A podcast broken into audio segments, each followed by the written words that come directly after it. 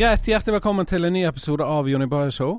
I denne episoden her så har jeg fått en uh, veldig spesiell gjest, i hvert fall for min del. Uh, det er da eh, sogneprest Frode Øglen. Velkommen. Takk skal du ha. Hyggelig at du kunne være med. Uh, jeg forsto det sånn at dette her er din første podkast. Det er min første podkast, ja. Jeg visste jo egentlig ikke hva det var når du spurte, men Mm. når du sa litt mer, så syntes jeg det hørtes litt gøy ut. Ja, for det, jeg var jo i kirken på sånn Santa Lucia-feiring med ungene mine i Det er vel en uke siden? Ja, eh, i går, 13. desember, det er Lucia-dagen. Ja, ok. 13. desember? 13. ja. Ja. Trodde du sa 30. der. Jeg begynte å tenke sånn nyttårsaften. ja. Eh, og da når jeg satt i kirken her Jeg kom jo rett fra jobb, eh, nattevakt, så jeg var jo ganske trøtt og sånn. Men så når jeg Altså, jeg har jo sett deg i kirken i årevis, på en måte. Ikke at jeg går fast i kirken, men du vet, konfirmasjoner Litt sånn julegudstjenester og ting med ungene og sånn. Så er det som Ja. oftest du som er der Ja. i Sel kirke. Uh, og jeg, det var da jeg fikk denne ideen sånn Jeg har lyst til å invitere Frode på podkast. Så lager vi en uh, En KRL-time, på en måte, da. Der uh, jeg får stille litt spørsmål, og så får jeg svar. Så eh, jeg gleder meg. Eh, vi kan begynne med Når skjønte du at det var prest du ville bli? Ja, det var egentlig nesten rett før jeg eh, begynte å studere til prest. Mm. Ikke så lenge før. Nei. I den grad jeg skjønte det. Men uh, jeg hadde mange andre ting jeg hadde lyst til å bli. Hva da? Uh, jeg hadde lyst til å bli arkitekt. Uh, jeg var inne på tanken på å bli lærer. Men så var jeg i militæret. Før jeg ble militærnekter. Jeg har vært begge deler. Og der snakket jeg med en feltprest. Jeg hadde egentlig ikke vært kristen så lenge heller. Nei. Og ikke vet jeg, men etter å ha snakket med halv feltpresten, så, så forsvant både arkitekten og læreren, og tilbake sto der en liten prest. Ja. Og, eh, men når var det du på en måte ble kristen, da? Eller begynte å bry deg om kristendommen? Det var på uh, gymnaset, eller videregående som det heter nå. Jeg er jo så gammel at jeg gikk på gymnaset. Uh, og eh, på den tiden, og i oppveksten, særlig i ungdommen, så var jeg veldig anti-kirken. Jeg regnet meg selv som ateist. Ah, Var veldig motstander. Hvis noen snakket til meg om Gud eller Jesus, så bare snudde jeg og gikk. Og, uh, men så fikk jeg en kjæreste på uh, gymnaset Mm. som viste seg å være kristen. Noe jeg ikke visste når jeg, eh, før jeg kom sammen med henne. Ja, Hadde jeg visst det, så hadde jeg vel sikkert ikke spurt om vi skulle være kjærester. Nei, så Men hun var litt smart, da, så hun venta noen måneder til vi var litt sånn etablerte kjærester. Og så sa hun plutselig en dag 'Frode, jeg er kristen'. Og jeg tenkte åh. Det var for seint å snu. Da var det litt for seint å snu, for da var jeg hekta og var forelska. Og, eh, og så sa hun det, da, eh, som jeg har hatt med meg alltid siden, at eh, du vet, Frode, der er, der er mer mellom himmel og jord enn det du tror. Du tror bare på disse konkrete tingene du kan forstå og se og ta på. Ja da, sa jeg. Ja, men det er òg en åndelig dimensjon, sa hun. Og det, jeg syntes jo det hørtes helt sånn svevende og forsto det ikke. Mm. Men så syntes jo hun da eh, Jeg tok henne med meg på sånn popkonserter og rockekonserter og litt sånn, og da Mm. syntes hun at jeg måtte være med henne i kirken. Ja.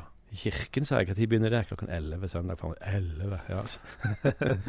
så ble jeg med, da. Så for å gjøre en lang historie kort, så, eh, så tenkte jeg ja, hvorfor ikke? For Mm. hun, jeg var jo, hadde jo Eller hun sa da at du Hvordan kan du ha så mange fordommer mot kristendommen og de kristne når du aldri har vært det sjøl? Mm. Du kan jo gjøre et forsøk. Ja, OK, sa jeg. Og sånn, sånn ble det, da. Ja, og hvor, hvor lang er en presteutdannelse, eller hvordan Seks og et halvt år. Seks og et halvt år? Ja. Veldig langt. Og det er, er det bare teori, på en måte? Altså Ja, det, altså det Nei. Den når jeg gikk, mm. mm, som var på slutten av 70-tallet og begynnelsen på 80-tallet, så var det hovedsakelig teori. I dag er studiet ganske annerledes. Okay. Jeg har sjøl en sånn tilleggsutdannelse som veileder, så jeg har eh, årlig studenter som kommer til meg og Selen menighet for å være i praksis i studiet. Oh, ja. uh, så, og, og de forteller jo om studiet og har et helt annet opplegg. Men i min tid så studerte vi teori i, eh, i fem og et halvt år, og så hadde vi sånn praksis på slutten. ja. Men, men hun her eh, kjæresten din som gjorde sånn at du gikk inn i alt dette her eh, er, er hun kjæresten din i dag? Nei, Nei. hun er ikke det. Men uh, du eh, fikk i hvert fall et uh, yrke ut av dette her. Jeg fikk et yrke ut av det.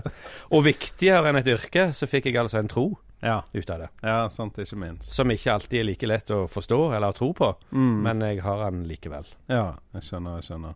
Um, Ja, nå svarte du egentlig litt på, på andre spørsmålet mitt, da. Eh, om du var kristen før du begynte å studere og dette her. Men vi kan heller ta Hvordan, hvordan er en dag på jobben for en prest? Det spørs hva dag du eh, en mandag. Hvordan, eh, En mandag, ja. Det, det, det er favorittdagen min. Nei, det er feil å si. Det, det er veldig vanlig at prester har fri på mandager. OK, så mandag er på en måte Eh, deres søndag, da? Ja, siden vi ofte jobber på søndager. Men jeg jobber nesten hver mandag. Ja, OK. Fordi at da tror ingen at jeg er på jobb. Så da Mm. får jeg være veldig i ro og fred. Ja. Og sitter for meg sjøl mye på kontoret, lukker døren, og ingen vet at jeg er der. Og det er da jeg skriver prekenene. OK. Både fordi jeg får være i ro, og fordi at jeg liker å være tidlig ute, sånn at jeg slipper å stresse og tenke mer på det resten av uken. Pre, er det preken det heter, eller preken? Prek, preken, ja. Preken, ja. Én preken. Én preken. Og den, den preken Ja. eh, Du Skriver du ny preken til hver gudstjeneste? ja, OK. gjør det. Og det er gudstjeneste hver, hver søndag? sant? Ja, men vi er to prester, sånn at jeg, eh, jeg er ikke på jobb. Jeg har ikke gudstjeneste hver eneste søndag. Nei. Jeg har fri. Hvor mange uker er det i et år? Er det 54? 52? 52, ja. Så da, da er du halvparten av eh, de, da? Er det sånn dere Ja, litt mer enn det. Litt mer enn det. Ja. Så du skriver en ny en hver gang? Ja. Tror du noen hadde merket hvis du brukte en om igjen? Jeg hadde vel knapt merket det sjøl, så da tror jeg kanskje ikke så mange hell, andre heller hadde merket det. Men eh, nei, det er litt for min egen del, for å, å jobbe med bibelteksten og ikke gjenta meg sjøl hele veien. Men at det blir noen av de samme poengene, det er klart. Jeg har jo vært ganske lenge i selen. Mm. Kirken og regner jo med at av og til så sitter folk og sukker og tenker det der har han sagt før. Ja, ikke sant. Så uh, Men jeg prøver nå, iallfall. Hvor lenge varer en preken, da? Uh, mine prekener varer 12-13-14 minutter. Ja, OK. Jeg prøver å ikke ha de for lange. Nei, Jeg klarer og- ikke sjøl å følge med. Har du et sånt eh, oppsett på det, sånn at én A4-side er på en måte fem minutter? Mm, jeg vet akkurat Når jeg har skrevet ferdig, så vet jeg akkurat hvor lang tid det vil ta å holde den. Ja, OK. For jeg, jeg, du vet sikkert ikke dette, men jeg, jeg er jo standup-komiker. Så jeg skriver jo på en måte Ja, vitser og må time det. sant? Altså i forhold til hvor lenge det skal vare og sånne ting. da. Mm. Og en som heter Grim Moberg, han har sagt det at én A4-side, i hvert fall for han, da, det er fem minutter. Mm. Men det kommer litt an på om du skriver stikkord, eller om du skriver ut hele innholdet. Ja, hvor store bokstaver det bruker. Men det Ja. stemmer sånn noenlunde med, med, med en preken òg. Ja. Selv om jeg ikke akkurat er standup-komiker, så er det jo litt i samme gate. Jeg driver, Det er en slags performance. ja, det er det. Det jeg òg holder på med. Ja, og da når du, når du var ny som prest, var du nervøs da før du på en måte gikk opp foran folk? Fryktelig nervøs. Ja. Fordi at jeg var ganske sånn Det er ingen som tror det i dag når jeg forteller det, men eh, jeg var en ganske, ikke bare ganske, men jeg var veldig sånn stille og beskjeden på skolen. ja introvert. Ja, iallfall når det gjaldt sånn faglig og sånne ting. Mm. Jeg var veldig ekstrovert eh, med tøys og tull og, og sånn. Ja, ja, ja. Men, men introvert med det faglige. Så jeg, jeg tror nok jeg er kanskje en av de få som har gått tolv år på uh, barneskole, ungdomsskole og videregående uten noen gang å rekke opp hånden. Frivillig. Ingen, ingen spørsmål fra Frode. ingen spørsmål, nei. Og hvis læreren så på meg eller sa Frode, så bare kvapp jeg og rødma og, Ja. og satt der. Så det var veldig sånn eh, Det var ganske spesielt at jeg skulle bli prest. ja. Så jeg var veldig, veldig nervøs. Hvor lang, hvor lang tid eh, gikk det før den nervøsiteten forsvant? Den har aldri forsvunnet, den. Å nei, OK. Nei da, den har jeg med meg. Jeg er nervøs når jeg sitter her òg nå. Ja, ok. Det er bare det du merker det sikkert ikke. Nei, det gjør jeg ikke. Nei, og det er fordi at eh, jeg har lært meg på en måte å mestre det. da. Mm. Jeg har lært meg at det som folk ser og hører, ikke nødvendigvis er det samme som det som jeg føler inni meg. Nei. Det tror jeg mange komikere kan relatere til. For eh, jeg fikk høre helt i begynnelsen at jeg virket så rolig, avslappet. Men Mm. inni meg så var jo det kaos. Mm, akkurat. Så, Da vet- men Da vet du hvordan det er å stå på en prekestol. Ja, Og jeg vet hvordan det er å stå på en standup-scene. det gjør du. Kanskje vi skulle hatt en sånn byttejobb-episode. Ja. Det hadde vært interessant. ja. Eh, du er jo òg eh, sogneprest. ja. Eh, hva vil det si å være det? Sogneprest, altså ordet kommer av et sokken, som er en, en menighet. Uh, og en sogneprest fra gammelt av er, er lederen av, eh, av presteskapet. Mm. I dag har det ikke så veldig stor praktisk betydning. altså Vi er to prester, og vi gjør mange av de samme tingene. Ja. Men eh, jeg er da, i motsetning til han andre presten som er kapellan, så sitter jeg fast i menighetsrådet. Eh, jeg jobber tett på administrasjonslederen, og er med i noe som heter arbeidsutvalget, så jeg har en del sånne administrative funksjoner. ja, OK. Eh, og han eh, han som spiller orgel i kirken, hva heter det? Hva heter Ja, han, det heter orgel, ja.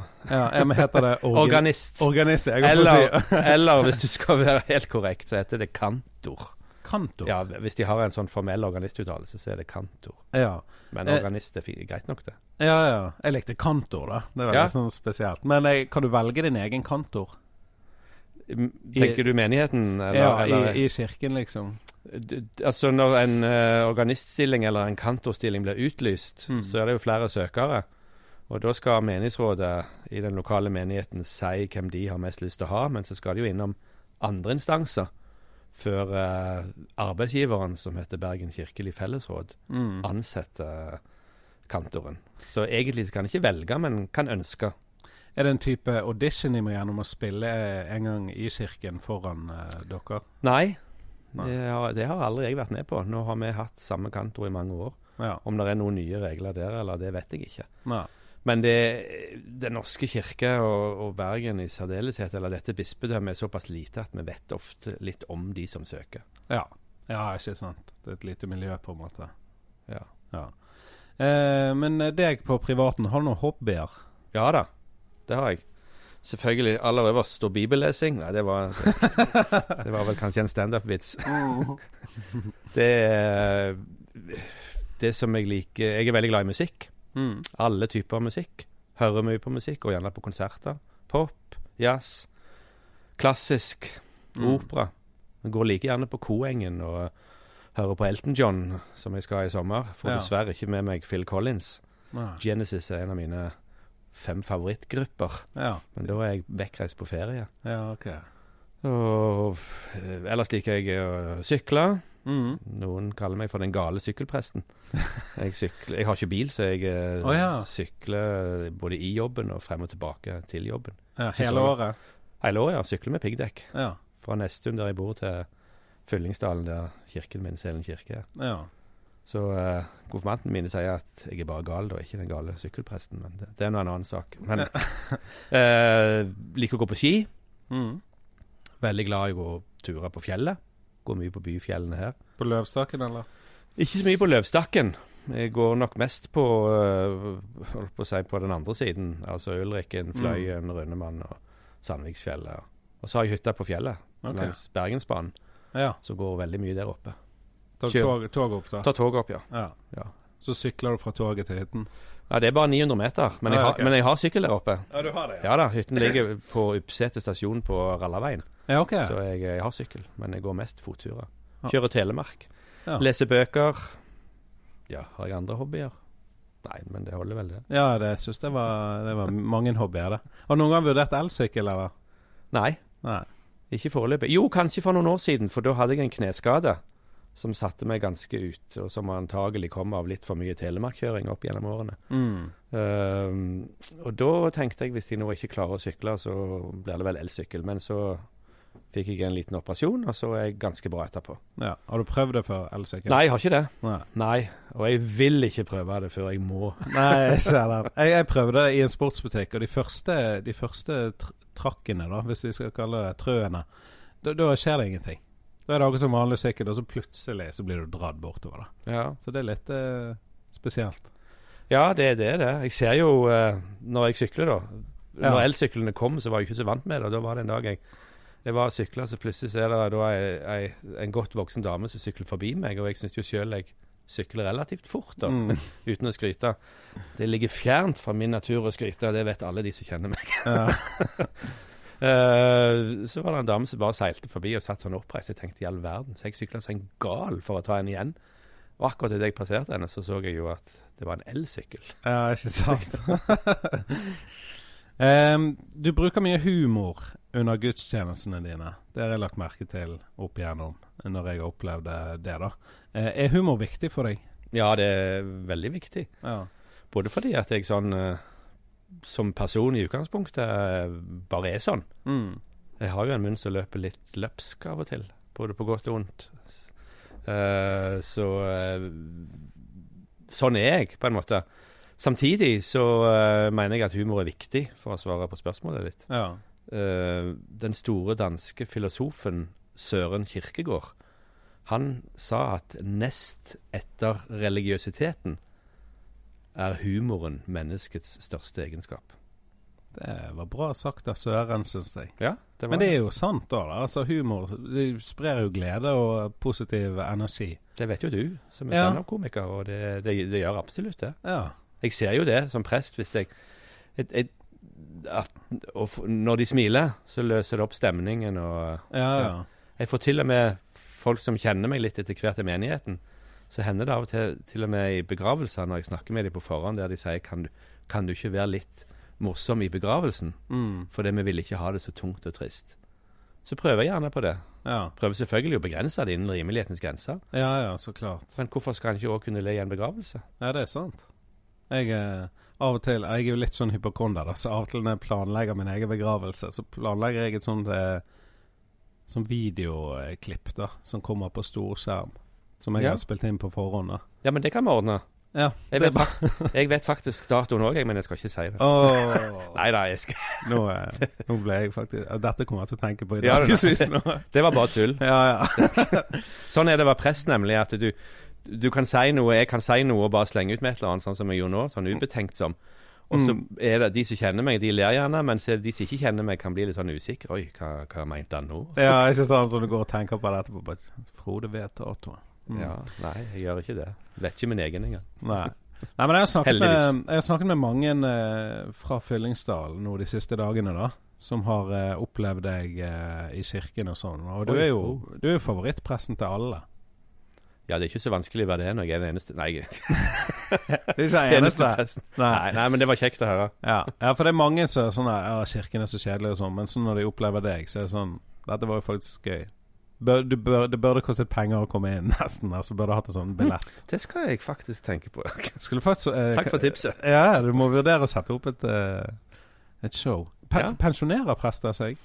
Ja, Hva alder er det? Vanlig eh, 60? ja det, vi følger vanlige spilleregler. Ja. Uh, I utgangspunktet tidligere var vi jo statsansatte. Uh, nå etter statskirken ble opphevet, så er vi ansatt av de lokale bispedømmene. Men vi følger fortsatt de reglene som er i staten. Ja, og hvor lenge til er det til du skal pensjonere deg? Ja, Det er et godt spørsmål. Det vet jeg ikke sjøl helt ennå. Nei, ok. Eh, For du kan fortsette jeg- hvis du vil, liksom? Ja, jeg øh, 67 er, er, er jo den vanlige grensen. Mm. Så kan en òg fortsette til en er 70. Ja. Nå er jeg 63, eh, og jeg blir i hvert fall ikke til jeg er 70. Nei. Men jeg har ikke helt bestemt meg. Det blir noen år til. Ja, men det er bra. Eh, ellers, føler du at du kan alt om kristendommen? Eller er det- Selvfølgelig. selvfølgelig. Jeg har, Ja, jo sek, det, det er har seks års utdannelse. så jeg kan alt, ja. Så Men- bare spør. Nei, men Er det et yrke du blir utlært i? Nei, sånn så, nei. Eller Det fornyer jo seg vel ikke sånn Nei, egen, nei, det gjør det nok ikke. Men det er vel med mitt yrke som en del andre ting i livet at det var en eller annen berømt forfatter som sa det, at eh, jo mer jeg vet, jo mer vet jeg at jeg ikke vet så mye. mm. Det skjønte jeg, og så skjønte jeg det ikke, hvis du skjønner hva jeg mener. Ja. Det, det er en litt sånn eh, Altså Jo mer eh, overført til min, min jobb da i forhold til bibellesingen, og, for det er mange ting i Bibelen som ikke er lett å forstå, som må Mm. tolkes. mm. Og Det er derfor det er teologer og prester, for å forsøke å tolke dette. Eh, både ut fra den tiden det var skrevet inn i, og hva som var tenkt, og i forhold til grunnteksten, språket som det opprinnelig var skrevet på Bibelen. Hebraisk til Gamle testamentet og gresk til Nytestamentet. Og jo mer en setter seg inn i det, jo mer finner en ut at det er faktisk ganske komplisert, og det er mange tolkninger. Mm. Så jo mer forvirra kan en bli. Det var en del i studiet mitt som kom inn og skulle bli prester med stort engasjement og, syns, og hadde sin barnetro og syntes det var så enkelt, og så ble det bare så veldig komplisert, det hele. Ja. Så eh, Sånn sett var det jo greit for meg, da, som kom uten barnetro inn. ja, ikke sant? Jeg satt jo på en av de første forelesningene, jeg, og og foreleseren sto og snakket om en som het eh, Moses, og jeg dunkte jo i han der sidemannen. Du, han der Moses, hvem var det? Ja. Så grønn var jeg når jeg begynte. Ja, ikke sant. Men er det sånn at alle kan begynne? Altså Kan jeg f.eks. nå i, i 2019 begynne å studere, og så om seks og et Ja. halvt år så er jeg prest? Ja da, det tror jeg. Er, er det mange nye prester nå som eh, Altså er det et yrke som på en måte folk søker til? Folk søker til det, ja. Det ser jeg på disse studentene som jeg har i veiledning. Mm, Men ikke sånn, i, ikke sånn i hopetall. Nei. Det, og nå er det en bølge av øh, av prester på min alder og noen år eldre. Øh, når de går av, så kan det være vanskelig å fylle alle søkerlister rundt forbi. Det er det nok for, faktisk òg i dag. For når jeg begynte å studere, så var det svære kull. Mm. Da var det en sånn boom for teologistudiet. Så kjente folk etter hvert at eh, det var jo ikke spesielt godt lønna, og arbeidstiden var heller ikke så spesielt godt regulert. Nei. Det kunne være lange arbeidsdager og mye helgejobbing og høytidsjobbing uten noen form for eh, kompensasjon. Ja. Så da var det Det var noen som sa en gang at å være prest er et lavtlønnet omsorgsyrke. ja. Men så eh, ble det litt endring på det, da. Lønnen steg i hvert fall litt, og vi fikk en normal arbeidstid, såkalt Ja. normalarbeidsuke. Og nå i de senere år har vi fått skjema òg som vi skal føre arbeidstiden vår i, inn i. Og hvis vi får overtidstimer, så får vi avspasert. ja. Får du søndagstillegg og sånn? da? Ja, får et lite Ja. søndagstillegg. Ja, men det er bra. Ja, det, det, jeg syns det er veldig bra. Ja, absolutt. Eh, har du noen gang vurdert å gi opp kristendommen? Jeg har vel ikke vurdert å gi opp kristendommen, for jeg har nå en troen min som holder meg litt fast. Mm. Eh, Det er ikke jeg som klarer å holde fast på troen, for, eh, men, eh, men det er en eller annen greie med at troen holder fast i meg. Ja. Så jeg har ikke vurdert å gi opp kristentroen eller kristendommen. Men presteyrket, Ja, det har jeg vurdert, særlig én gang. OK. eh, I min aller første prestejobb, der det var mange ting som var ganske tøft. Mm. Og da sa jeg til meg sjøl passer jeg egentlig til dette, jeg, sånn som jeg er. Mm. Uh, så da, da vurderte jeg å gi opp, ja. Ja. Har du alltid vært i Fyllingekirke, forresten? eller? Nei. Nei. Jeg har ikke det. Hva, hva andre kirker er det? Jeg er det mange, liksom? Nei, det er ikke mange. Jeg har bare vært i to menigheter. og Det er Askøy først. Kom jeg som fersk uh, uteksaminert student. Mm. Og så var jeg der åtte år, og så kom jeg til uh, Sel menighet i Fyllingsdal. Ja, OK. Og Sel menighet det er jo den som ligger nede på Varden der. sant? Ja. ja. For Det du har jo Hva heter den som ligger borte i Fyllingen? eh? Den heter Fyllingsdalen kirke. Det er litt sånn forvirrende. Ja. Fyllingsdalen menighet og Fyllingsdalen kirke. Eh, Ja, for for det der er to kirker og to menigheter i Fyllingsdalen. Den ene heter Fyllingsdalen. Og det er fordi at opprinnelig så var det bare én kirke og én menighet, som Mm. da naturlig nok heter Fyllingsdalen. Ja. Så ble, så ble den veldig svær i folketall, og de fikk heller ikke flere ansatte, så de jobba seg jo i hæl. Uh, og da ble den menigheten delt i to, Mm. og Selen sokken, eller Selen menighet, ble utskilt fra Fyllingsdalen. ja. Så gikk det ganske mange år før de fikk kirke i Selen. Den kom i 2001. Ja. Jeg husker det når den eh, holdt på å bli bygget. Han ligger jo rett bak Varden Amfi. Ja. For lytterne som eh, lurer på hvor den ligger geografisk. det- Velkommen, velkommen. Ja. eh, en ting jeg lurer på. Du vet Det gamle testamentet. Ja. Eh, så kom det et nytt et, som er Det nye testamentet. Kan det med tiden komme enda et nytt testament? ja det, det tror jeg nok ikke. Nei. Det, det har jeg ingen tro på, for, sånn, for nå har dette jo vært i, i, i hundrevis av år, for ikke å si halvannet tusen år. Ja. Men eh, som den berømte forfatteren Oscar Wilde sa, så er det vanskelig å spå, spesielt om fremtiden. Mm. Så jeg eh, Hva som skjer om 500 år eller 1000 år, men jeg tror ikke det. Det var en møysommelig prosess og masse kirkemøter og mye styr og frem og tilbake. For det er, er nemlig flere evangelier og flere brever og skrifter og greier, så for å samle det som er i Bibelen i dag, eh, så var det, lå det masse arbeid bak. Mm. Og Så ble en enig om dette en gang, og egentlig en gang for alle.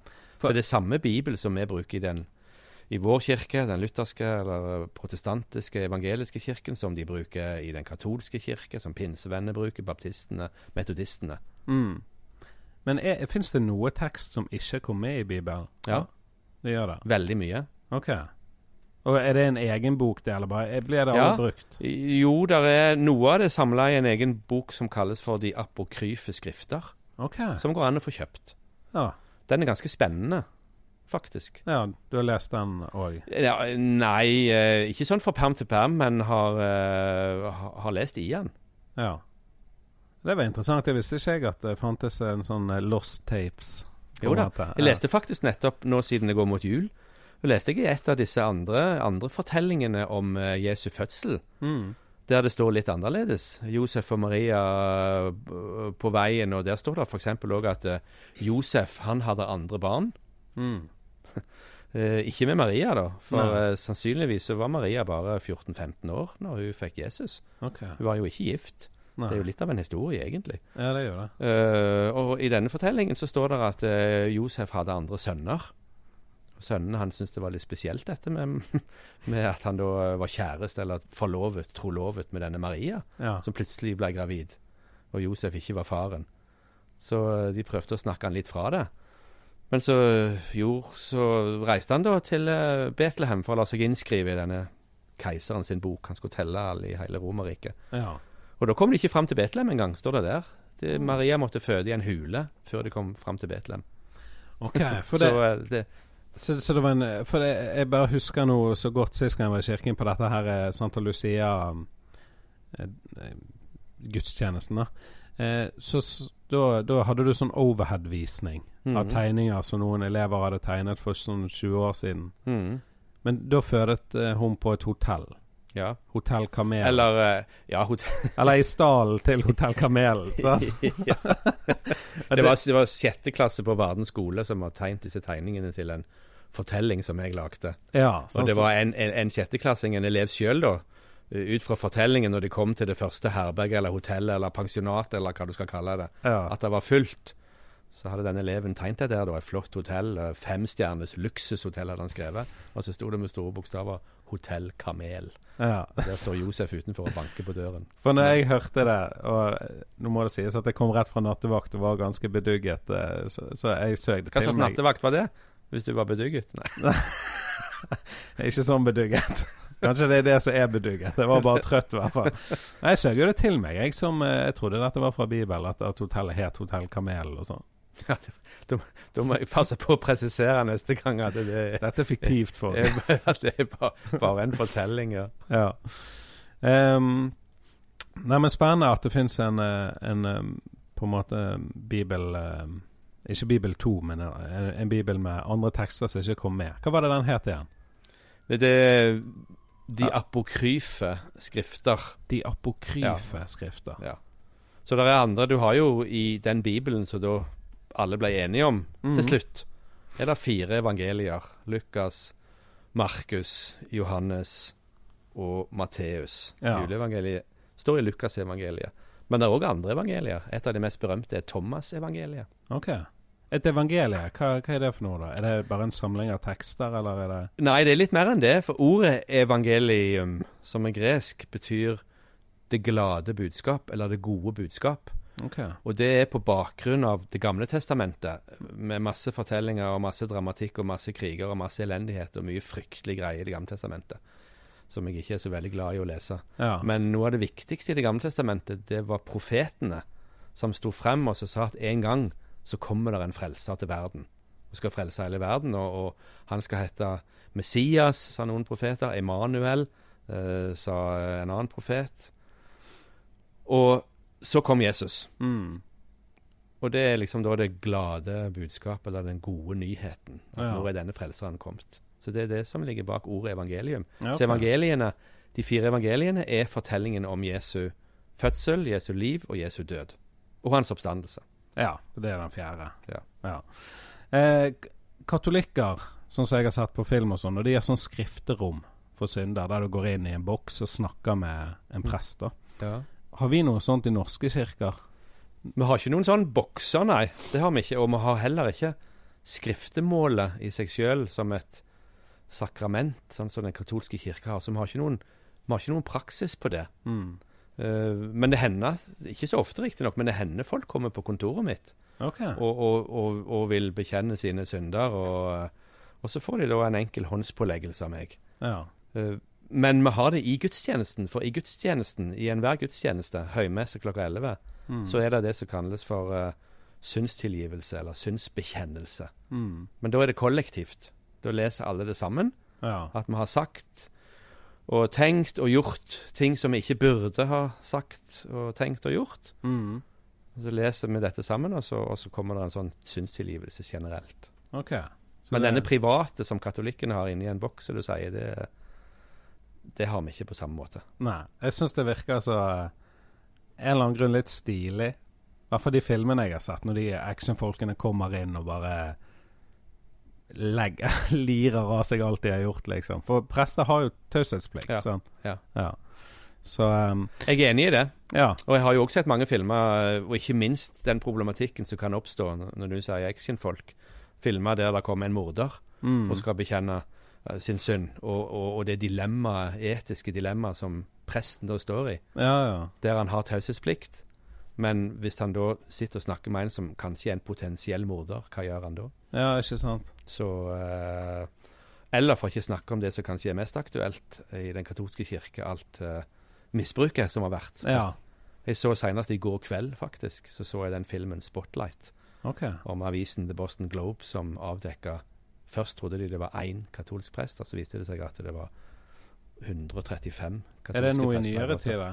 Nei, det, ja, nei, det går tilbake på uh, begynnelsen av 2000-tallet. Okay. Men filmen er bare et par år gammel og vant flere Oscar. Ja.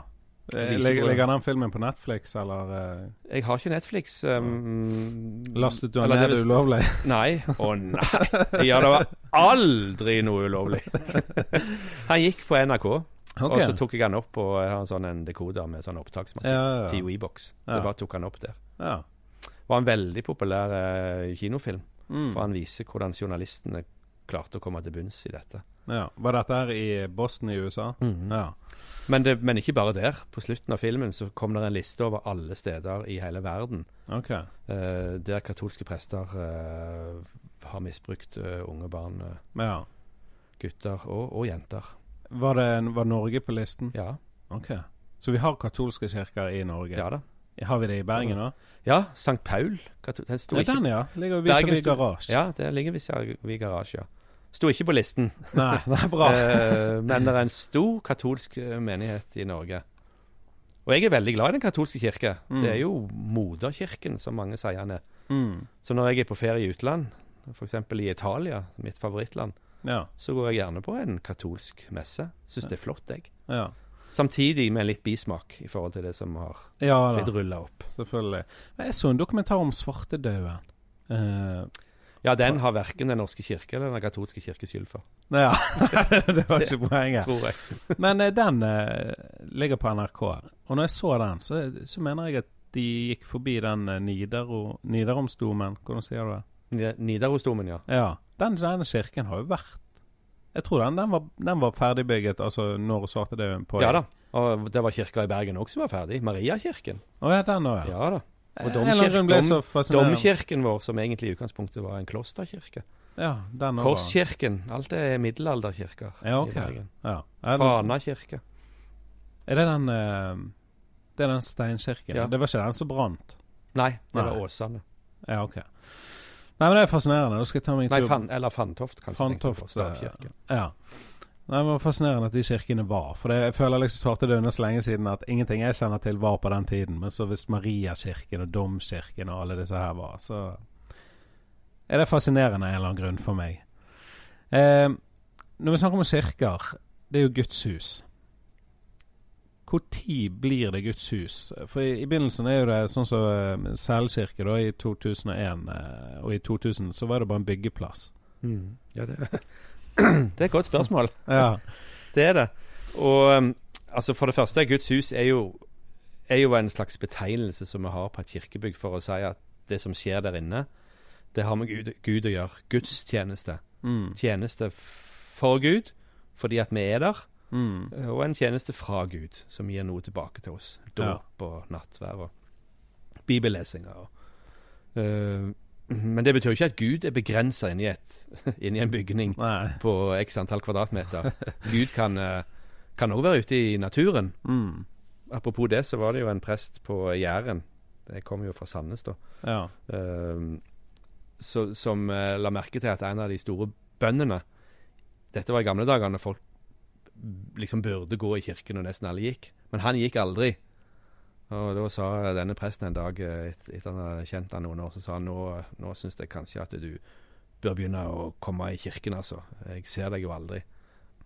Og da svarte bonden at eh, for meg så er det bedre å sitte på traktoren og tenke på Gud enn å sitte i kirken og tenke på traktoren. og da fikk han frem et poeng, altså, at, at Mm. Gud, Gud er jo ikke begrensa inn i et kirkerom. Nei.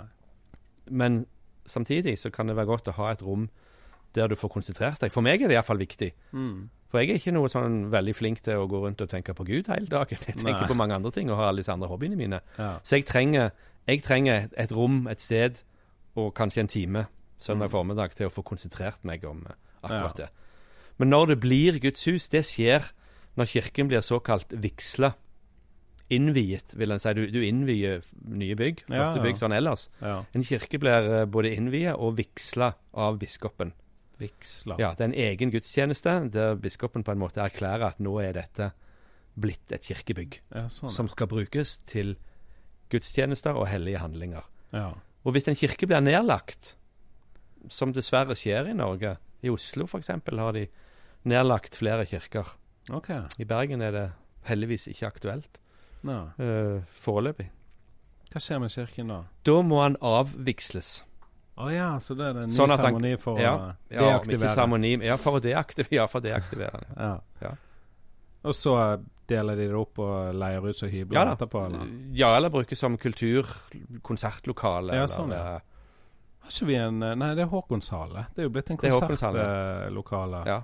Det ser jo litt ut som en kirke, men det er Ja. ikke det. Nei. Men bygd i samme stil, denne her fyrstikkeskeformen, Ja. som er en gammel romersk Det er vel Stil. middelalder, det òg, sikkert. Og det er mye eldre enn det. Det går Ah, helt, ja, tilba okay. helt, helt tilbake til Romerriket, som bygde basilikaer, offentlige bygninger, som hadde den formen. Mm. Som eh, de første kristne tok etter når de begynte å få penger til å begynne å bygge kirkebygg. Det er jo litt sånn arkitektur inni, inni kirkebygginga og sånn, da. Ja. Så um, har du fått brukt noe av den? Du hadde jo lyst til å bli arkitekt. Har du fått, har du fått kommet med noen tips? Jeg vet ikke om jeg har kommet med så mange tips, men jeg var veldig aktiv uh, under eh, både prosjekteringen uh, og byggingen av Selen kirke. Mm. En del av min stilling som sokneprest ble faktisk frigjort, sånn at jeg kunne få være med i akkurat det arbeidet. Ja, ok. Eh, både fordi at jeg representerte da menigheten, og det var viktig å høre på menigheten i forhold til arkitekt- og byggeprosess og sånn, Mm. men òg fordi at jeg sa at jeg eh, er interessert i arkitektur og kunst, og Ja, ja. syntes det var veldig spennende. ja. Um, sånn i forhold til skilsmisse, er det, er det en synd? Er det, er det noe som sier at du ikke skal skilles? Jeg håper ikke det, fordi at jeg er skilt sjøl. Å ja, du er skilt? Ja, jeg er det. ja. Og um, uh,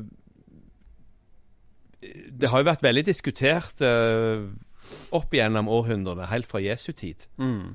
Har det vært uh, veldig diskutert. Og det var ganske strenge krav i og for seg i Det gamle testamentet, f.eks. Som jo var det eneste som jødene og Jesus hadde å forholde seg til. De hadde jo Mm. ikke noe Nytestamentet da. Det var ikke skrevet den gangen, selvfølgelig. ja. Ehm, så det var mye diskutert, og det var veldig mange ulike retninger og mange ulike syn på skilsmisse. Helt fra de, det mest liberale var sånn på Jesu tid at uh, en mann, hvis han kom hjem og konen hadde svidd maten tre ganger, eller hvor lenge det var, så kunne han bare skrive et såkalt skilsmissebrev. Ja, Jeg finner meg ikke i at min kone svir maten eh, en gang i uken. Jeg skiller meg hermed. Og så var det skilt. så var det skilt. Mens andre var mye strengere og sa at skilsmisse det er synd mot Guds bud. Mm. At når du har uh, gifta deg, så skal du stå ved din ektefelles side livet ut. Ja. Så, Sånn har det vært opp gjennom alle århundrer. Veldig sånn Både uenighet og stor avstand mellom, mellom sy synspunkter. ja. I dag er det vel knapt noen prester uh, som vil si at det er synd å være skilt, for det, ting kan gå i stykker. Mm. Det er bare sånn vi mennesker er. ja. Det som er det store spørsmålet for en del, det er gjengifte. Mm. Å gifte seg for andre gang og Ja. tredje gang. Ja. Ja. Der er det nok noen, kanskje ikke så veldig mange, men, men noen som uh, er litt strenge på det. ja. Men ikke jeg, for jeg Nei. er gift for andre gang. OK. Ja, ja. Da, Men det blir bare de to. ja. ja. For jeg skjønner ikke folk som gifter seg som tredje og fjerde. Altså. Du må lære av første og andre, tenker jeg. Ja, det tenker jeg òg. Samtidig som jeg var sjøl veldig sånn tilbakeholden etter jeg ble skilt. Ja. og, og var litt usikker på om jeg i det hele tatt skulle finne meg noen ny, fordi at jeg hadde lest en eller annen statistikk om at uh, litt over halvparten av alle menn som gikk inn i nye forhold etter de var skilt, Mm. De ble mer misfornøyd enn de var i det første forholdet. Ja, okay. Og jeg er sånn, eh, ifølge mine barn, så er jeg en sånn katastrofetenker. Mm. Så jeg plasserte meg umiddelbart i den der halvparten. ja. Men uh, så viser det seg at jeg ikke er der, da. Nei, nei, Nei. det er bra. Eh, men eh, ja, hvor mange barn er det du har? Tre. Du har tre barn. Er, Ja. er noen av de eh, kristne eller har fulgt dine fotspor i De har ikke fulgt mine fotspor når det gjelder å bli prest. Nei. Det, det har de ikke. Og det er jeg ikke nødvendigvis spesielt lei for. For det, selv om det er et interessant yrke, så vet jeg ikke om det er noe jeg anbefaler uten videre. Nei. Men det er veldig interessant og spennende å være prest. Ja, ja. Så jeg angrer ikke. Nei. Eh, tilgir Gud alt, Ja Eh, så lenge du ber om det, gjerne? Ja, ja, det, Ja. ja. takk. Nå bytta vi litt roller her. Nå var du, var du presten, og jeg var, den- jeg var den usikre standup-komikeren som bare sa ja. Så lenge du ber om det, ja. Det er faktisk uh, godt sagt, Mm. egentlig. For uh, du må nok kanskje be om det på en eller annen måte. Ja. Ikke nødvendigvis ligge på kne eller gå til presten i skrifter, sånn som vi snakket om, men Mm. uh, i hvert fall ha en erkjennelse av at du har gjort noe galt. Mm. Og, og, og be Gud om tilgivelse. Men det er like viktig, og det sier også Jesus, det Mm. står i Bibelen, det er like viktig å be den som du har gjort noe galt mot, om tilgivelse.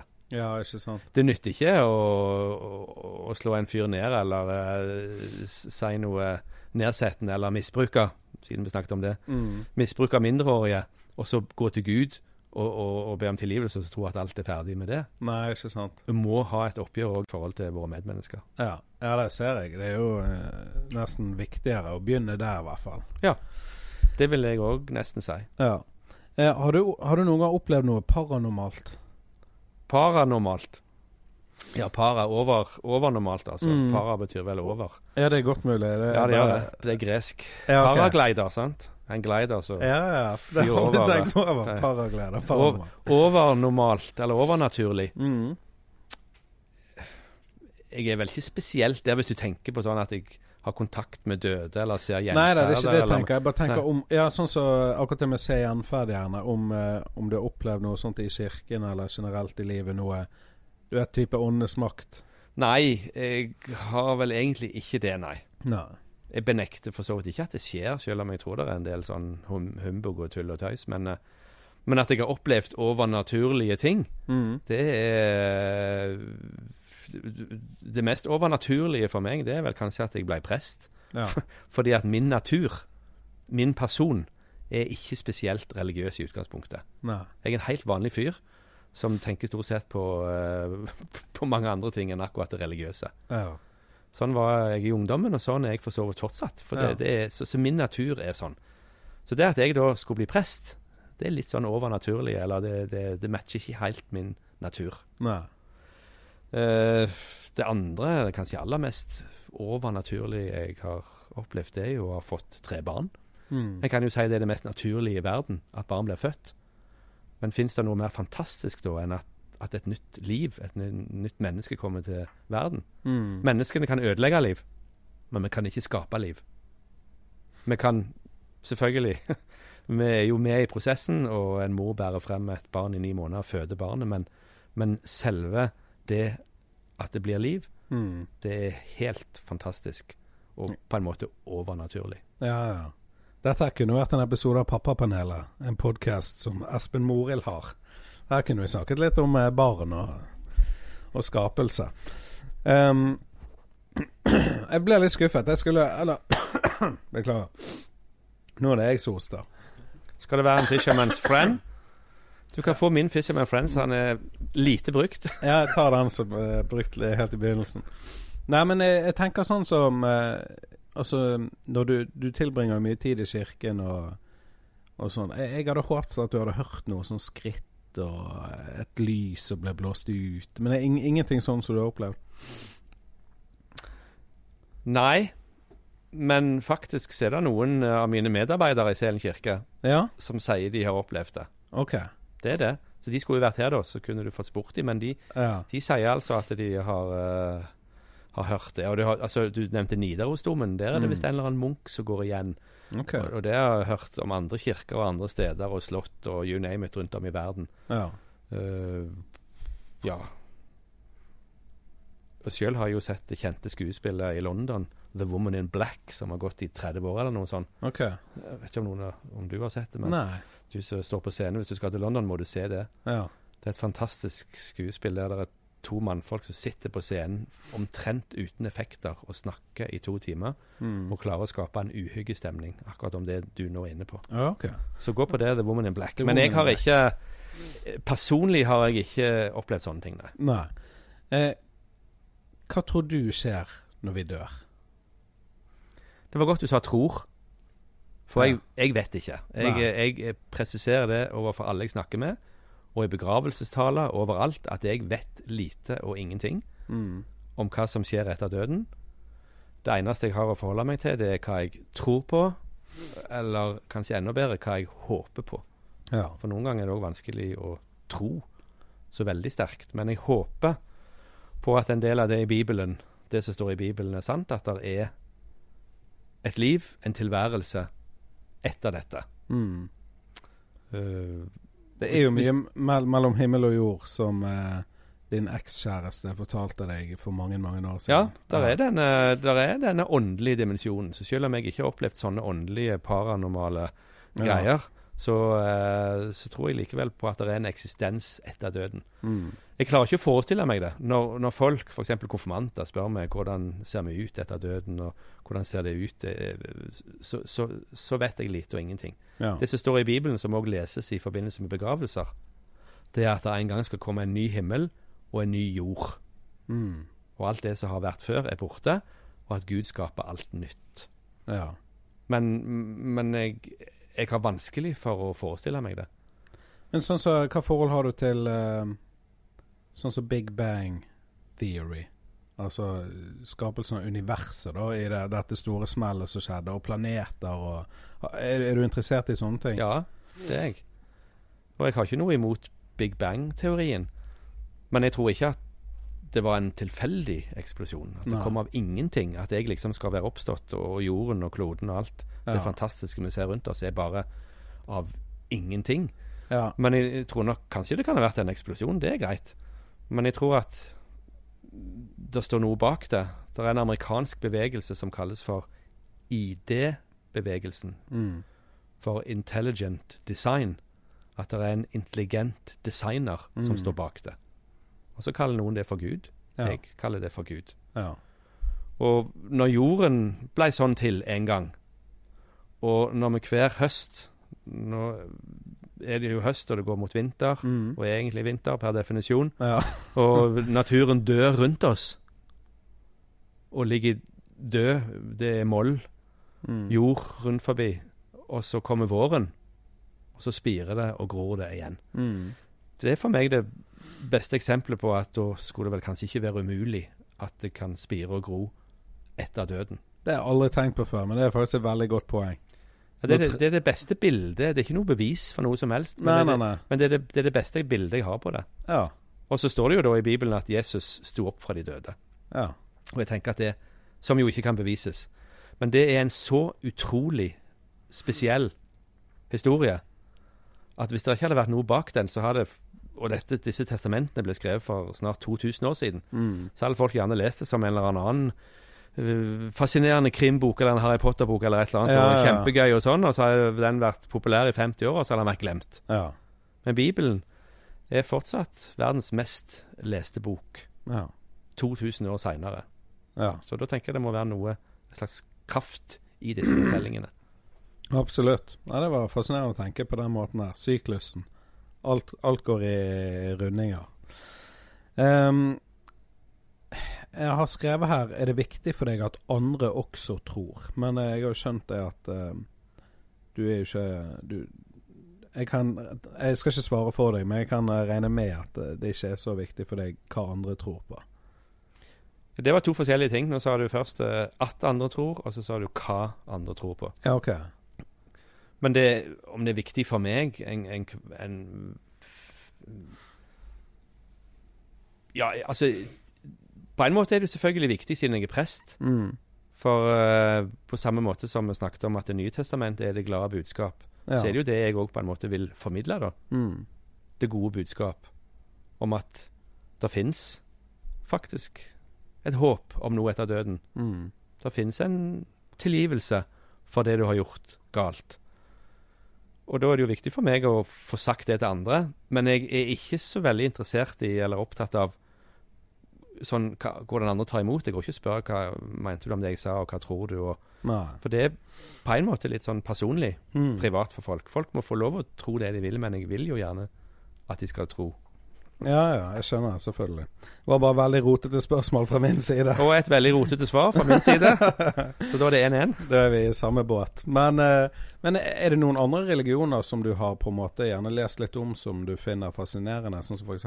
hinduisme og sånn? Det var, det var kjekt å få det spørsmålet. Og det er det aldri noen som har spurt, spurt meg om. Okay. Og det er ikke så mange som vet det heller. Eh, noen i familien min vet det. Men uh, den religionen som jeg syns på mange måter er mest fascinerende, det er buddhismen. Mm.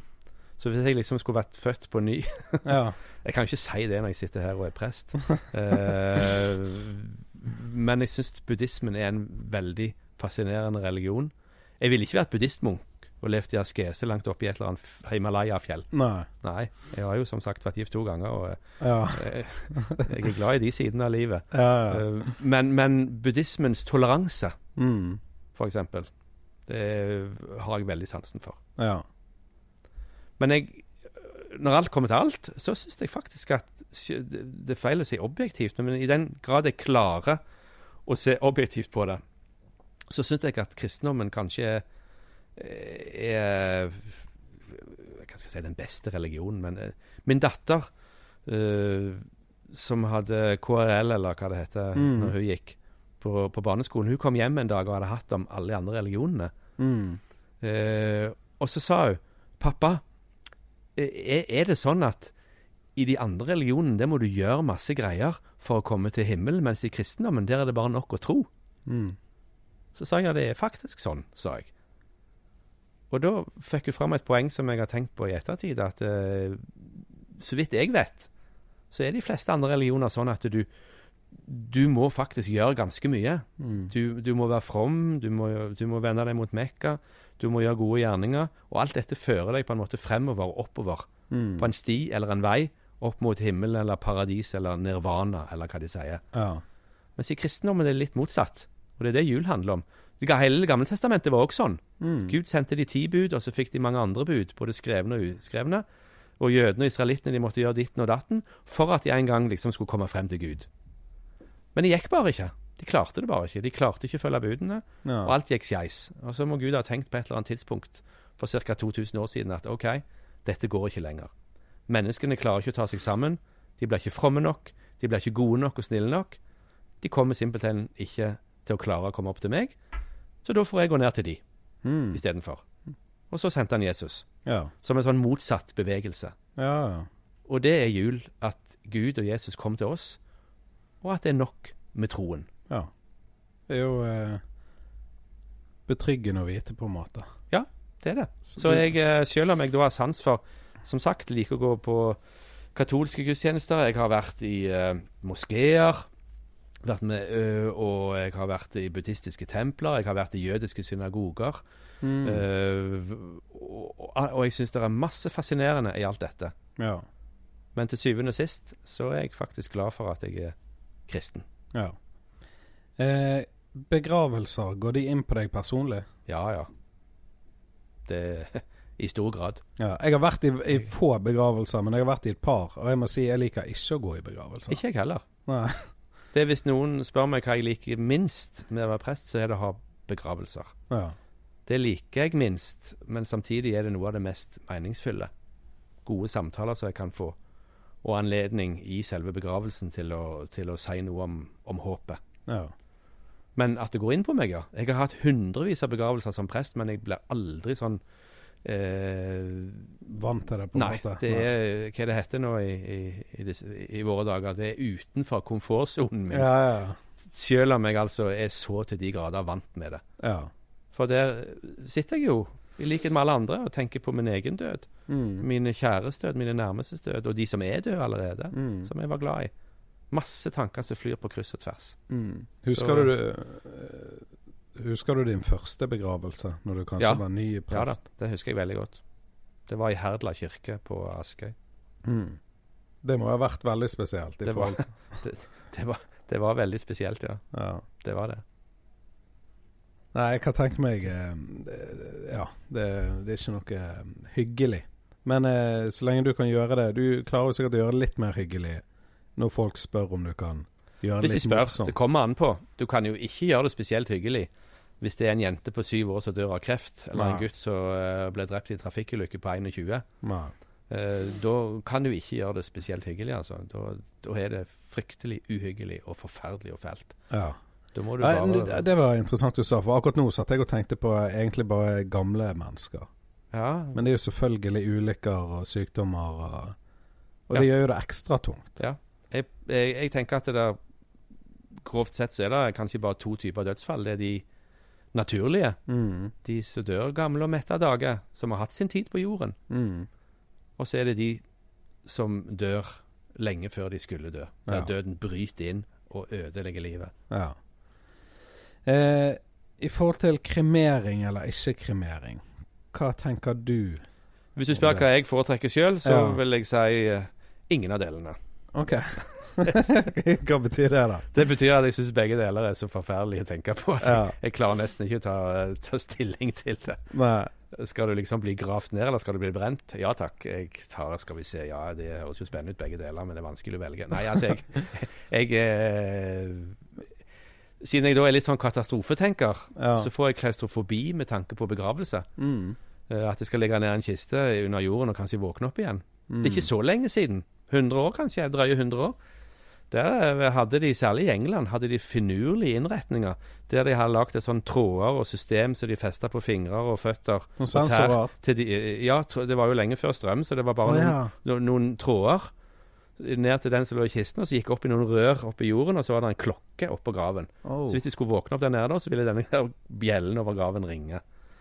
Og Det hørte jeg en gang, og etterpå det så har jeg vært livredd for å skulle bli begravd. Vet du om han ringte noen gang, da? Nei, det Det vet jeg ikke. Det, Nei. nei. Men det kunne jo vært sånn som historien om Du som er standup-komiker. Han eh, Han som mista konen sin, Mm. så døde hjemme.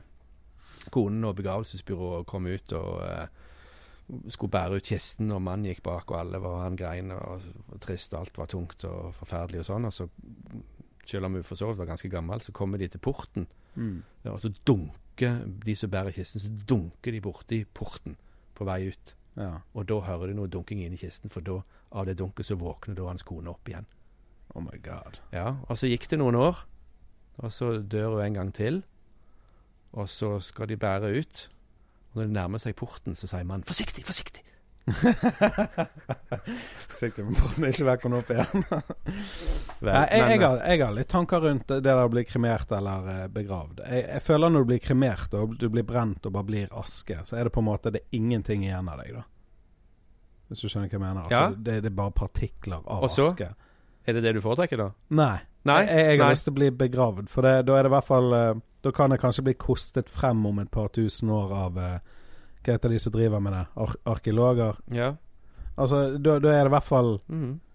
noe igjen. Og jeg føler når du blir kremert, så er du, da er du helt vekke. Mm. Og det er jo Det er nok den uh, opprinnelige kristne tanken. Okay. I Romerriket så både av plasshensyn og andre ting, så kremerte de hovedsakelig folk. Men når de kristne, kristendommen begynte å bre seg, Ja. så hadde de en forestilling om at de skulle ikke bli brent, men de skulle bli begravd. Av Mm. jord er du kommet, til jord skal du bli. Mm. Ikke til aske eller støv eller ingenting, som du nå sa. Ja.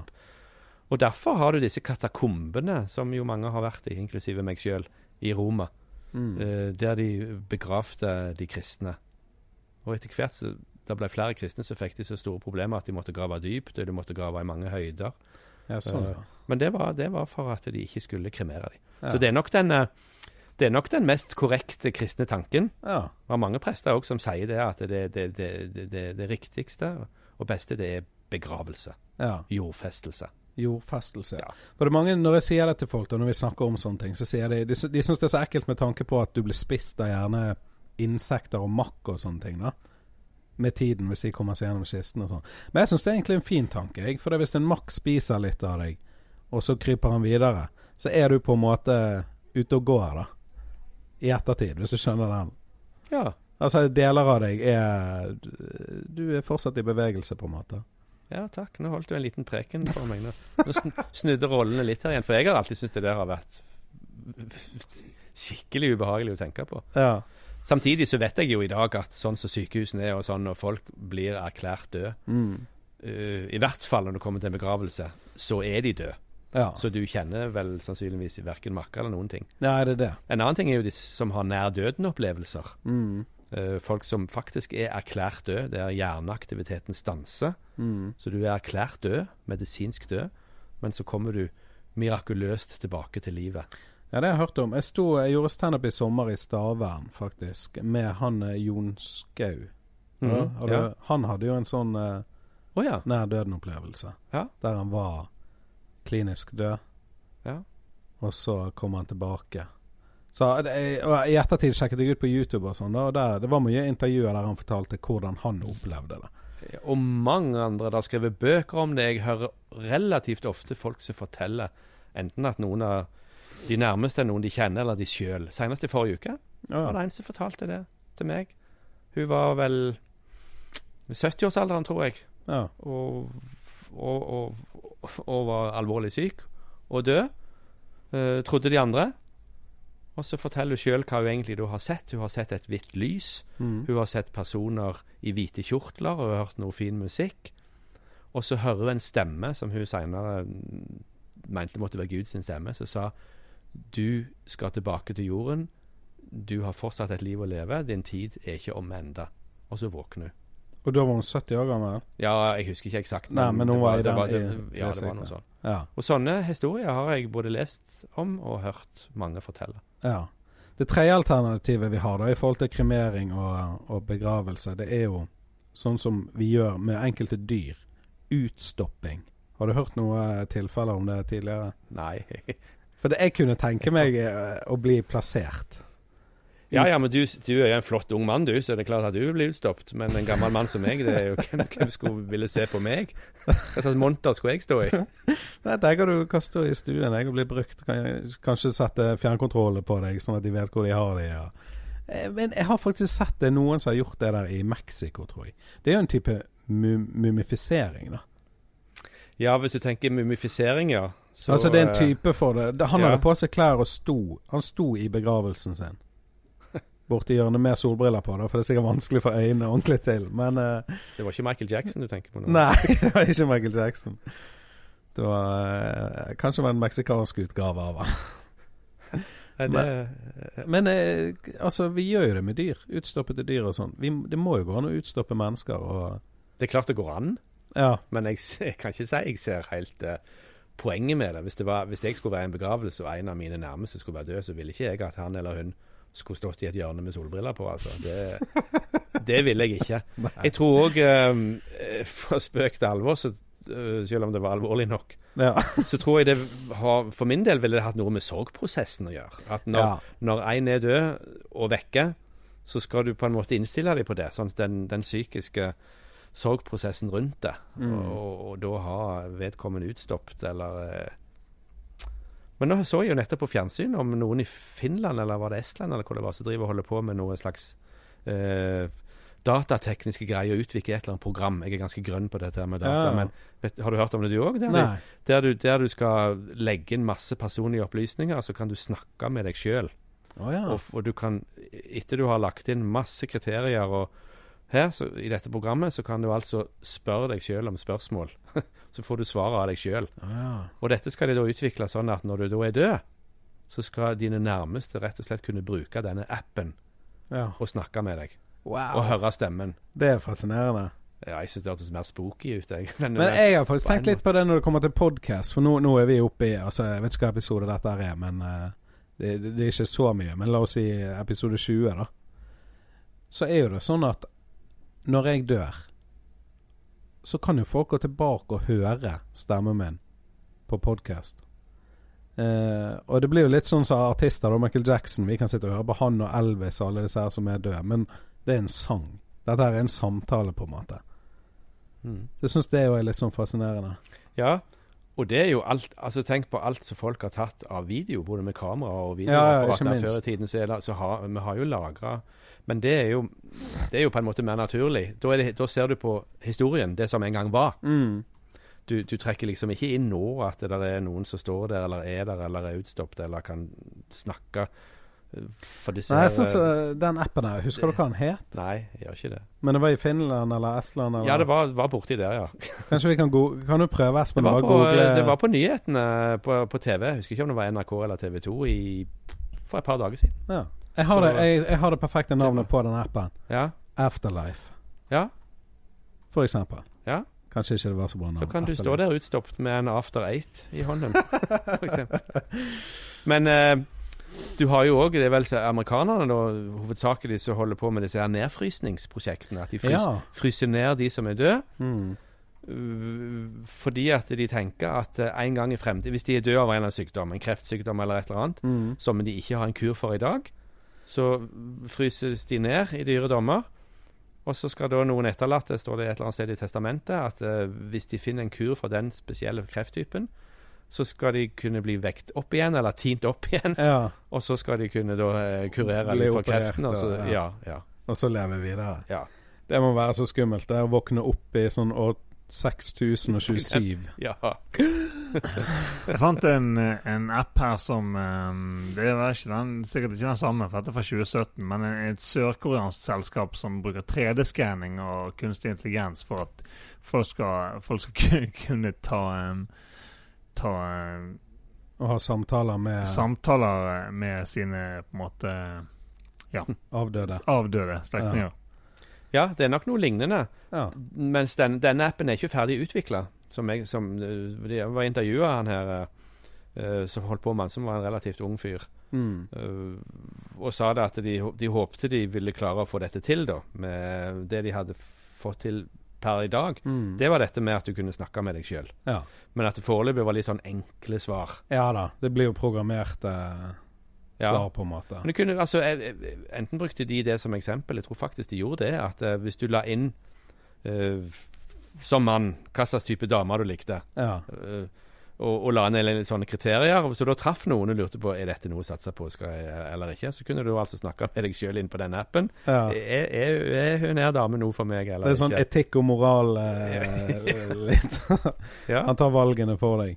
ja, Og kanskje ikke det er så dumt, for når du er forelska, så, så kan jo forelskelse gjøre jo blind. Ja, ja. Eh, Så eh, kan spare Kanskje den skilsmissestatistikken uh, går ned. kanskje. Ja. Men Eh, etter døden syns jeg ikke det har, ja. Nei. Men eh, nå er vi snart ferdig. Hvor lenge er det vi har holdt på, Espen? Vi har holdt på eh, litt over en time. Ja. Jeg Så- visste at denne episoden kom til å vare lett over en time, for det, jeg syns det er så interessant. Men det siste jeg har lyst til å spørre deg om, er hva, hva er det på en måte rareste du har gjort i en gudstjeneste? Det rareste jeg har gjort Ja. Ja, det er faktisk en del. Jeg har vel roa meg ned nå med årene, men jeg har hatt en del uh, Jeg har hatt en del stunt, ja. Mm. Men det, hva mener du med det rareste? Nei, det jeg morsomste, tenker- eller det mest spesielle? Eller det, Ja, sånn eller det som, vakte eller mest, det som vakte mest oppsikt? Eller? Ja, gjerne noe sånt. All, all, jeg mener alle de tingene, men ja, altså, ja, jeg har nok gjort uh, Siden det nå snart er jul, så kan jeg vel kanskje fortelle om den aller første julen når Selen kirke var helt ny, mm. i 2001. Og det skulle være den første julegudstjenesten i kirken. Da um, var det sånn at uh, jeg hadde Midt mens jeg sto og preikte, så ropte kirketjeneren Frode! Frode! Kom her! Og jeg kvapp jo litt og sa jeg, jeg, jeg kan ikke komme her nå, sa jeg. Altså, jeg står jo her midt i en preken. Det er jo det viktigste en prest har å gjøre. Preken. Nei, du, du må komme her. Nei, jeg kan Jo, kom! Eh, det menigheten ikke visste, for de gispa jo. Det menigheten ikke visste, det var at dette var avtalt. Alt, selvfølgelig. Oh, ja. Ja. Eh, og så ropte jeg til organisten, da. Du, du, uh, Sjur. Hva, spill nå litt musikk. For jeg, jeg må bare ned her til kirketjeneren. Og han så forskremt ut og satte i gang og, spilte litt sånn uh, julemusikk. Og jeg gikk ned fra prekestolen, midt i preken. Mm. Og menigheten gikk et sus gjennom hele forsamlingen. Uh, og så sa kirketjener liksom på vei ned så sa hun, For det, det er noen som vil inn, sa hun. Vil inn, sa jeg. Der er fullt. Og det var der folk sto langs veggene. Mm. Siden det var første julaften i splitta ny kirke. Ja. Vi har plass til ca. 500, og jeg tror det var over 600 på den gudstjenesten. Okay. Ikke si det til brannvesenet. Nei, sånn. Eh, eh, så, så der er fullt. Beklager, der er ikke plass. Jo, du, du må komme, de skal absolutt inn. Nei, det går ikke, sa jeg. Og konverserte med kirketjeneren mens jeg gikk nedover midtgangen. Og menigheten studde hodene sine og så hvor all verden ble det av han. Og så åpner hun dørene, og utenfor der, der står det to konfirmanter som jeg hadde kledd ut som Josef og Maria. Ok. Og så eh, tar jeg de med meg opp, da, og sier all verden Og så tar jeg de med opp foran alteret og, og henter to stoler. Uh, og setter de nedpå der. Uh, og spør hvem i all verden er dere?